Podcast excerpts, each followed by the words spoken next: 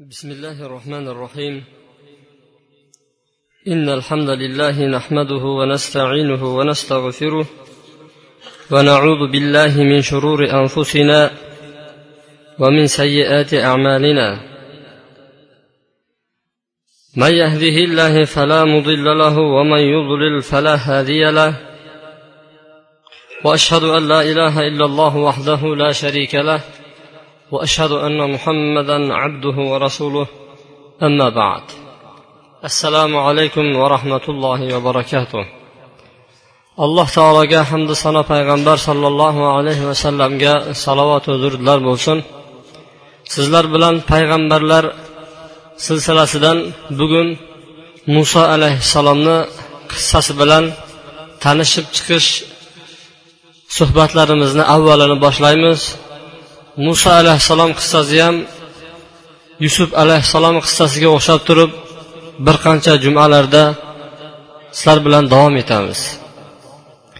Bu kishini hayotidagi bo'lgan voqealar yusuf alayhissalomni hayotida bo'lgan voqealarga o'xshab turib judayam katta. Lekin yusuf alayhissalomni davridagi voqealarga qaraganda bu kishini davridagi bo'lgan voqealar judayam ko'p va turli sahalarda bo'ladi. Bugun sizlar bilan ana shu alloh subhanava taoloni ulug' payg'ambarlaridan biri bo'lmish muso alayhissalomni qissasi bilan tanishar ekanmiz. Bu alloh subhanava taolo tomonidan yuborilgan payg'ambarlarni ichida eng afzallardan hisoblanadi. Payg'ambarlar ichida ulul azm payg'ambarlari bor. Ulul azm degani matonatli sabr bardoshli payg'ambarlar deb ataladi beshta payg'ambar. Birinchisi nuh ikkinchisi ibrohim uchinchisi muso to'rtinchisi iso beshinchisi muhammad alayhissalomlar shu ulul azmi ikkitasi bilan sizlar bilan tanishib chiqqan edik. Bugun uchinchisi muso alayhissalomni qissasi bilan tanishishda davom etamiz. Muso alayhissalom boshqa payg'ambarlardan ajralib turadigan boshqa bir sifati ham bor ekanki u kishini laqabi borki kalimulloh. Alloh subhanava taolo bilan gaplashgan. To'g'ridan to'g'ri biron bir farishta o'rtada vositachilik qilmagan holatda to'g'ri ollohni o'zi bilan gaplashgan payg'ambar degan u kishini laqablari bor. Bu kishini qur'oni karimda eng ko'p zikri keladigan payg'ambarlardan. U kishini zikri qur'oni karimda bir yuz o'ttiz ikkita o'rinda zikr qilingan. Va bu zikr qilinishlar qur'oni karimni turli turli joylarida topiladi xususan baqara oli imron niso moida anom arof hud yunus isro kahf toha maryam ankabut naml qasos ahzob va mana shunday suralarda u kishini qissalari zikr qilinadi. U kishini qissalari ba'zi suralarda kengroq keng ma'noda beriladigan bo'lsa ba'zi o'rinlarda qisqa qilib aytib ketiladi. Lekin qur'oni karimda eng ko'p zikri kelgan kishi muso alayhissalom bo'ladi. Nima uchun? U kishini ummatlari nihoyatda ko'p bo'lgan ummat edi. Bu kishi yashash davri ishi ya'ni ish yuritish faoliyati misrda bo'lgan va o'zlari ham misrda tug'ilgan edi. Lekin payg'ambarlarni ko'pchiligi baytil mahdis ya'ni shom yurtlaridan chiqqan bo'lsa hozirgi kundagi falastin tomonlaridan chiqqan bo'lsa ajablanishimiz mumkinki muso alayhissalom qanaqa qilib misrdan chiqib qoldi? Deydigan bo'lsak sizlar bilan yusuf alayhissalomni qissasini to'lig'icha tanish chiqib yusuf alayhissalomni asllari falastindan bo'lishgan edi kanon yurtlaridan bo'lgan edi. Yusuf alayhissalomni quduqqa tashlab quduqdan chiqib uni sotib olib turib misrni podshasiga olib borib sotib misrda vatan tutgan edi. Alloh subhanava taolo u kishiga ko'p imkoniyatlar bergandan keyin shu imkoniyatlarni orqasidan o'zini aka ukalari ota onalarini chaqirib olishlikqa muvaffaq bo'lgan edi. Ular misrga kelib turib o'rnashgan edi. Taxriban sakson kishidan iborat bani isroil ya'ni isroil avlodlari misrga kelib o'rnashadi. Misrga kelib o'rnashgan paytda misrliklar juni judayam katta tantana bilan kutib olgan edi. Chunki mana biz yusuf alayhissalom orqasidan katta adolatlar ko'rdik. Mehr shafqatlar ko'rdik. Adolat nimaligini mana shu kishini ortidan biz bilishni boshladik. Bu kishi kelib turib katta kichikni hurmatini joy joyiga qo'ydi. Bizni atrofimizdagi qishloqlarni hammasi och qolgan paytda bizni qishloq to'q bo'ldi. Balki boshqa qishloqlarga biz yordamlar ulashgan edik. Mana shunday imkoniyatlar bergan edi. U kishini dadalari kirib kelgan paytda buyuk bizni boshlig'imizni dadasi keldi deb turib misr ahli o'zini dadasidek ko'rardi yaqub alayhissalomni. Va yaqub alayhissalomni farzandlari yusuf alayhissalomni aka ukalari misrliklarni qalbida o'zgacha bir o'rin egallagan edi.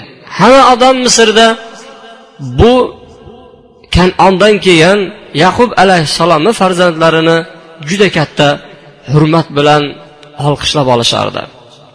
Ularni hurmati nihoyatda katta edi. Yusuf alayhissalom vaqtiki vafot etadigan paytlarida yaqub alayhissalomni farzandlarini yig'adi. Yig'ib mana man ham halok bo'lyapman. Dunyodan vafot etish chog'im yaqinlashib qoldi. Sizlarni hozir bu misrliklar judayam katta hurmat qilib turibdi. Lekin shunday bir kunlar keladiki bu hurmatlar hammasi yo'qoladi. Bu hurmatlar hammasi yo'qolib ketadi. Ana shu paytda sizlar nihoyatda qiyin ahvolga tushasizlar.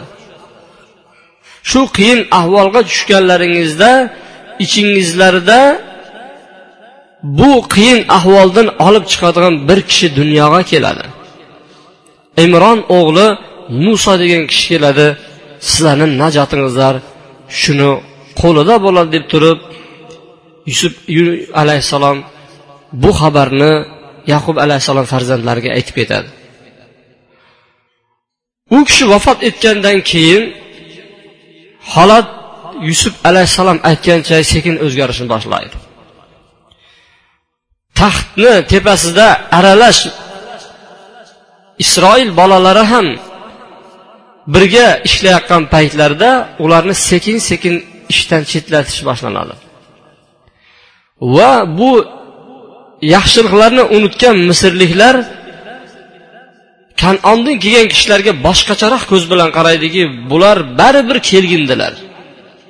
Bular baribir kelgindi odamlar. Bular riyosatga bu davlatni boshqarishlikqa yaramaydigan insonlar. Bular aslida qul bo'lgan insonlar. Bu bizlardan past bo'lgan insonlar qanaqa qilib bizani tepamizda turishi mumkin deb ularni sekin sekin ishdan chetlatib faqat o'zlari turishni boshladi. Kunlar o'tgandan keyin bular qullar buni faqat ishlatish kerak. Uni ustiga o'lib qolmasligi uchun bularga ovqat berib turish kerak degan e'tiqodlar bilan ularni ustida har xil zulm zahmatlarni o'tkaza boshladi. Shu orada ularni ustiga bir podshoh keldi. Bu podshoh ramsis ikki deb tarixlarda yuritishadi muarrixlar. Ana shu podshoh taxt boshiga kelgan paytda zulm zahmatni judayam qattiq kuchaytirdi.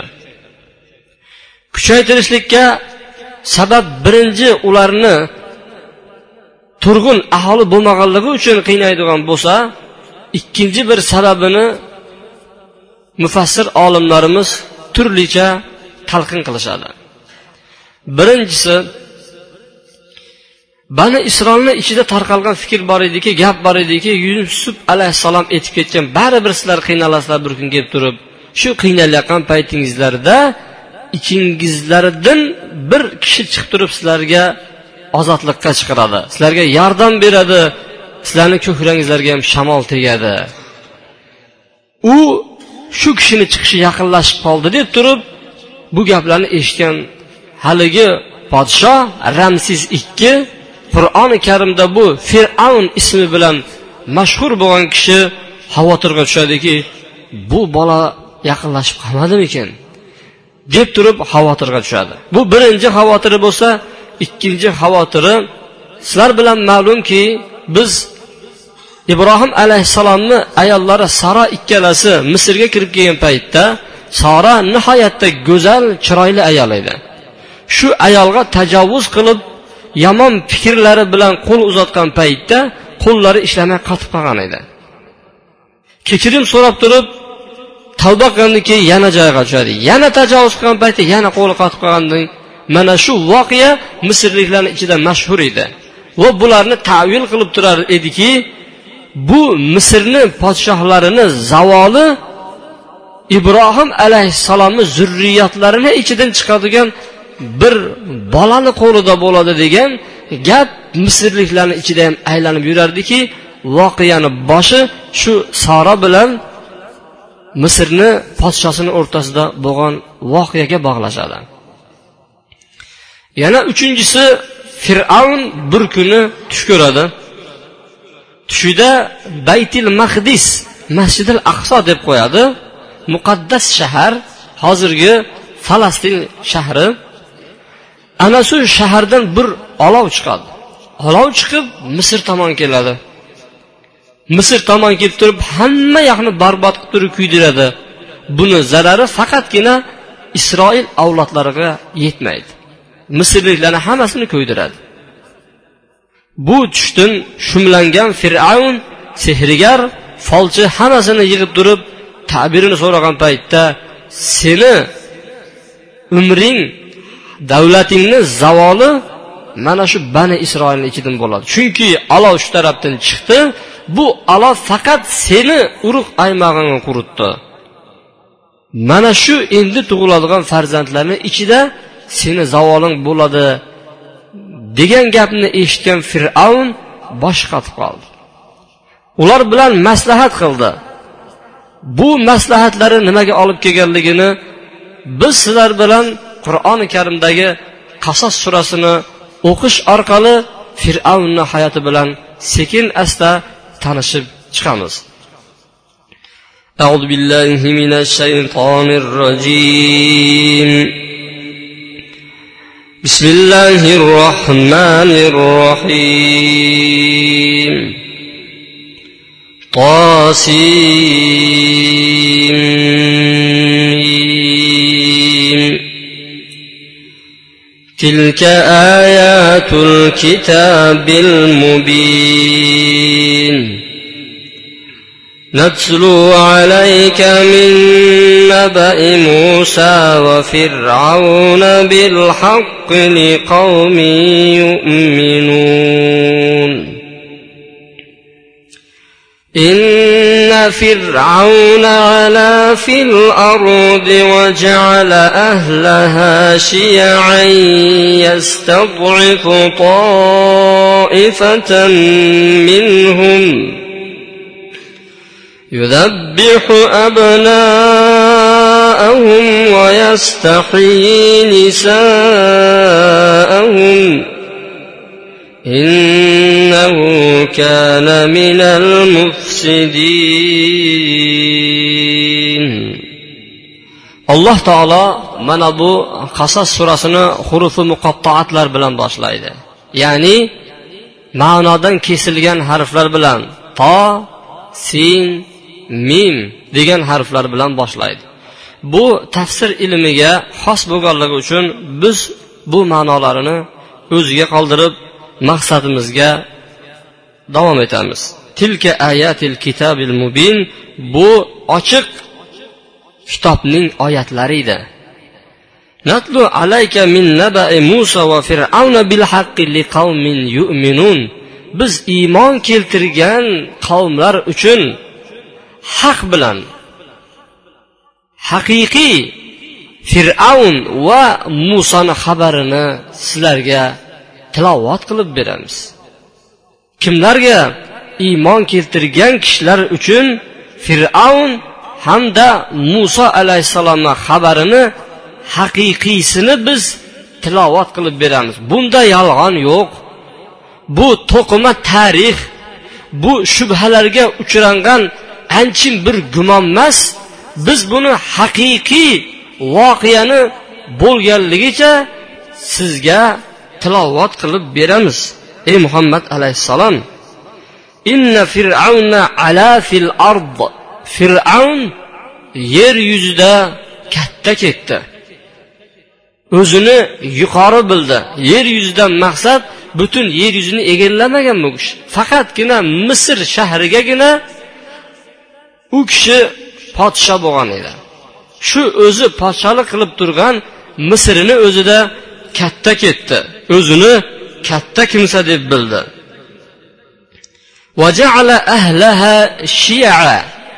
Shu misrdagi yashayotgan kishilarni bo'lak bo'lak qilib tashladi. Toifa toifaga ajratib tashladi. Bu boshqarishlik yo'lidagi bir qo'llanmaki bu ko'proq din dushmanlari tomonidan aytiladigan qoida farriq tasud deb qo'yadi. Parchala hukmron bo'la hokimlik qilasan deydi. Bu fir'avnni siyosati edi. Fir'avn o'zini qo'l ostidagi bani isroilni parchalab tashladi. Har turli oqimlarga ajratib tashladiki bani isroilni o'zini. Nima uchun? Chunki bani isroil o'zlaridan yuqorida kelayotgan dinlari bor edi. Ibrohim ishoq yaqub yusuf alayhissalomdan qolgan dinga amal qilib kelishardi. Bu dinni haqiqatini bilishardi. Bu dinda shaxsga emas balki alloh taoloni o'zigagina yolg'iz o'ziga ibodat qilish sig'inish kerakligini judayam yaxshi anglab yetishardi. Mana shu ibodatda ular bardavom edi. Ammo fir'avnni siyosati mustabid siyosat edi. Odamlarni o'ziga qul qilish kerak edi. Bu qul qilishlikni yo'li birdan birgina yengil oson boshqarishlik yo'li ularni har turli bo'lak bo'lak guruh guruh jamoatlarga ajratib bir birlarini o'rtasida nizolar chiqarib bu nizolarni ularni ustidan tomosha qilib mana shunday huzurlanishlik bilan siyosatini boshladi fir'avn. Bani isroillarni bo'lib bir biriga qayrab tashladi. Chunki unga tahdid solayotgan bu bani isroilni o'zi bilan o'zini ovora qilishlik bu fir'avn uchun bir yengillik tug'diradigan bir siyosat edi. Bu bani isroilliklarni parchalab guruh guruhga ajratib tashladi. Ularni bir bo'lagini fir'avn xorlardi. Xorlashlikni yo'li ularni farzandlarini so'yardi o'g'illari bo'ladigan bo'lsa. Qiz farzandlari bo'ladigan bo'lsa tirik qoldirardi. Fir'avn qo'rqib ketdi. U kishi aytgan ediki ana robbukumul ala men eng oliy xudoman degan edi. U ko'rmaysizlarmi mana mulkni misri misrni mulki meni qo'limda. Va mana oqayotgan anhar nil daryosi menga bo'ysunadi. Man oliy podshaman deb baqirgan fir'avn endi tug'iladigan bir boladan qo'rqib o'tiribdi. U bola hali tug'ilmagan edi. U bolani kallasi katta jasadi baland emas edi. U tug'iladigan bola hali fir'avn uchun noma'lum edi. Lekin man xudoman deb davo qilayotgan fir'avn homilani ichidan turgan boladan qo'rqyapti. Alloh subhanava taolo oliyligini o'zi isbot qilyapti san fir'avn xudo emassan. San qo'rqoqsan. Hattoki hali tug'ilmagan va qachon tug'ilishini bilmagan onani qarnidagi boladan qo'rqyapsan san dedi. Fir'avn qo'rqqanidan nima qildi? Demak bu bola tug'ilib qolsa manga tahdid bo'ladi deb turib shu yilda tug'iladigan bolalarni o'ldiringlar dedi. Qatl qilinglar dedi. U ishini boshladi. Har bir mahalla har bir shahar har bir qishloqqa doyachilarni tayinlab doyalarga maxsus maoshlar tayinlab ro'yxatga olishni boshladi. Kim qachon ko'tardi? Qachon tug'iladi? Bari hisob kitob. Doyalar yaqinlashgan paytda soqchilarni chaqirardi. Soqchilar tepasida turardi. Tepasida turib agar shunday ko'radigan bo'lsa o'g'il bo'ladigan bo'lsa bo'g'izlarda qiz bo'lsa indamay tashqariga chiqib ketishardi. Bani isroilga mana shunday ofat qiyinchilik alloh haq subhanava taolo tomonidan bo'ladigan sinov keldi.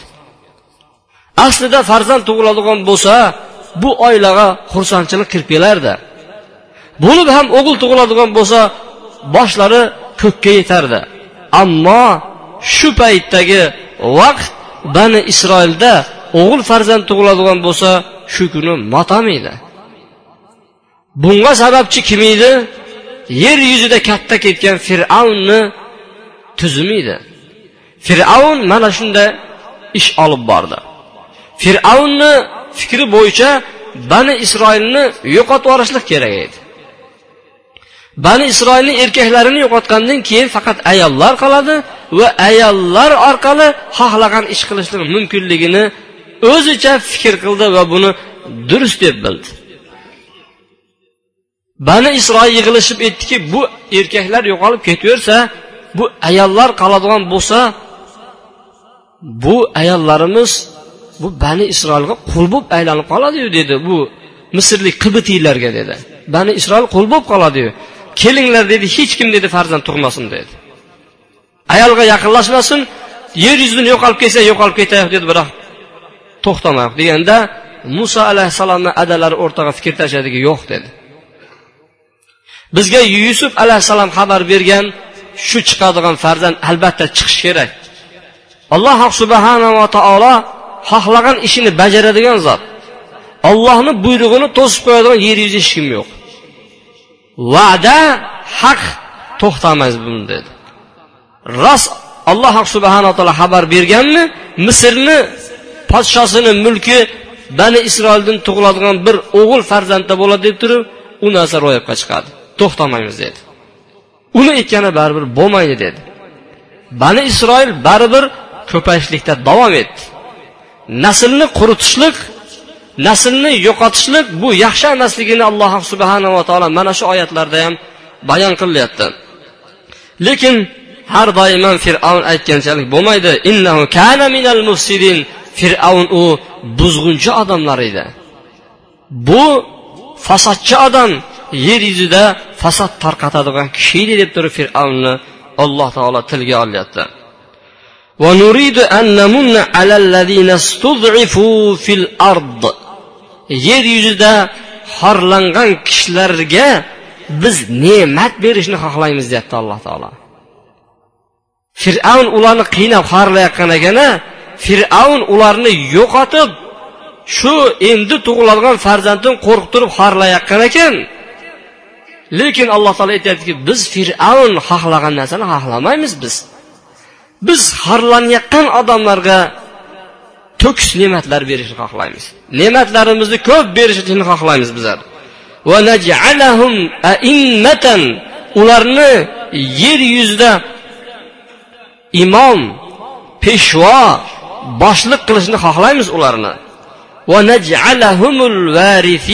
va ularni yer yuzidagi vorislar shular uchun mana shu misrni shular uchun berishni biz xohlaymiz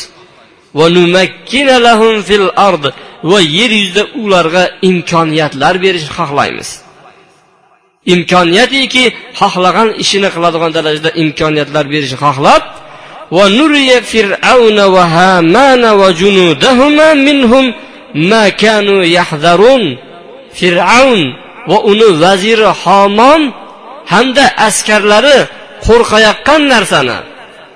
Bu narsa kelajakda tug'iladigan bir farzandni qo'lida bu misrni podshosini zavoli deb turib qo'rqayotgan e'tiqodini fir'avn homon va uni askarlariga ko'rsatib qo'yishni xohlaymiz deyapti.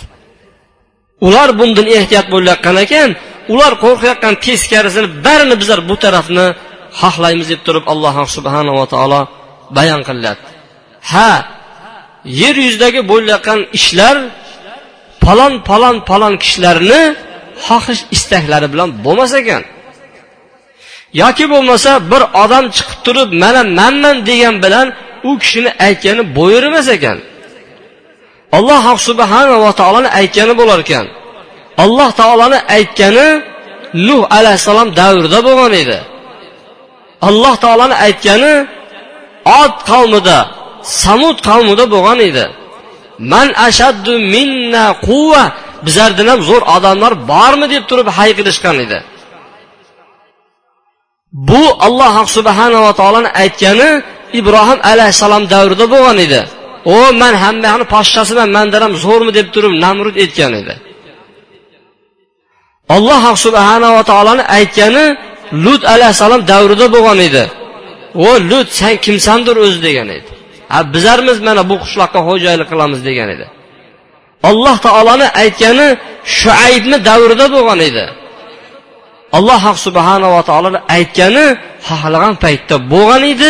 Va xohlagan paytda bo'lyapti va bundan ham keyin alloh subhanava taolo xohlagan ish bo'ladi. Bu xohish bandalarda emas. Bu xohish ollohni diniga qarshi turib turib bu ollohni diniga azob berayotgan kishilarda emas. Alloh subhanava taoloni qo'lida.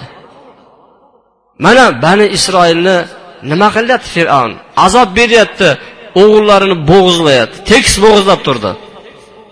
Qizlarni tirik qoldirib turdi. Lekin shular yer yuzida podsho bo'lishdimi? Yer yuzida egalik qilib turib ularni hukmi boqiy qoldimi? Aqalli bir asrga ham yetgani yo'q. Yarim asrga yetmasin alloh subhanava taolo bularni fikrlarni hammalarini parchalab tashladi. Kelasida alloh subhanava taolo o'zini bu aytayotgan mo'jizalarini boshlaganligini bayon qiladiki bu mo'jizalari bilan inshaalloh mana endi sizlar bilan suhbatlashamiz. Vaqtimiz yakunlab qolgan ekan. Alloh subhanava taolo duo qilayiq ilohim parvardigora gunohlarimizni mag'firat qilgin. Ilohim parvardigora bizni gunohlarimiz ko'p. Seni tanimay bilmagan o'tgan davrlarimizdagi qilgan gunohlarimizni va bilib bilmasdan qilgan gunohlarimizni mag'firat qilgin. Bu gunohlarimiz osmon yerlarni o'rtasini to'ldirib yuboradi. Lekin seni rahmating undanda kengroqdir. Ana shu rahmatingni sendan so'raymiz ilohim parvardigoro hidoyatingdan adashtirmagin g'azabingga uchragan va adashgan kimsalarni yo'liga boshlamagin va sallallohu vasallam va barik ala muhammad va ala alihi va sahbihi ajmain برحمتك يا أرحم الراحمين إن الحمد لله نحمده ونستعينه ونستغفره ونعوذ بالله من شرور أنفسنا ومن سيئات أعمالنا من يهده الله فلا مضل له ومن يضلل فلا هادي له واشهد ان لا اله الا الله وحده لا شريك له واشهد ان محمدا عبده ورسوله. اما بعد alloh taolo qasos surasida muso alayhissalomni onalariga vahiy qilganligini bayon qiladi. وأوحينا إلى أم موسى أن أرضعيه. Biz musoni onasiga vahiy qilib uni emizavergin dedik. Bu yerda oyatdagi vahiy ma'nosi payg'ambarlarga qiladigan vahiy emas balki ilhom deydi. Alloh subhanava taolo bu ayolni ya'ni onasini qalbiga alloh subhanava taolo shu narsani soldiki uni emizavergin agar undan qo'rqadigan bo'lsang keyin sandiqqa solib uni daryoga tashlagin dedik. San xafa bo'lma tashlayotgan paytda. Qayg'urmag'in biz albatta uni senga qaytaramiz. Qayg'urma xafa bo'lma uni albatta o'zingga qaytaramiz. Hamda uni payg'ambarlardan qilamiz dedi alloh taolo. Va alloh subhanava taolo xohlayotgan narsa ro'yobga chiqdi ha agar insoncha qanchalar ham usta bo'ladigan bo'lsa qanchayam mohir bo'ladigan bo'lsa tadbirkor bo'ladigan bo'lsa biron bir narsadan judayam qattiq suratda ehtiyot bo'layotgan bo'lsa ham lekin alloh taolo iroda qiladigan bo'lsa insonni qo'lidan biron narsa kelmaydi. Fir'avnni bu doyalari ham bilmadi. Qachon tug'ilishini bilgan bu askar poyoqlaqchalari ham bilmay qoldi. Tug'ib bular endi shulardan qo'rqqan paytda uni daryoga nima qildi? Oqqizib yubordi. Al qadar amiyal basar degan arablarda bir maqol bor. Agar taqdir keladigan bo'lsa ko'z ko'r bo'lib qoladi deydi. Vo man ustaman meni yashagan bunimi falon undoq bo'lib ketsa ham hech kim shunaqa qilolmaydi deb turib katta gapiradiganlar bor. Yoki bo'lmasa vo man mana shu soha bo'yicha judayam ustaman man ishimga javob beraman yuz foiz deydigan odamlar bo'ladi. Lekin allohni taqdiri keladigan bo'lsa qo'ldan hech narsa kelmay qoladi. Kattasi bo'lsin undan kattasi bo'ladigan bo'lsa ham agar allohni taqdiri keladigan bo'lsa olloh o'zini taqdirini iroda qiladigan bo'lsa insonni qo'lidan hech narsa kelmay qoladi. Demak bu alloh subhanani taqdiriga biz iymon keltirmasligimizdan iloji yo'q.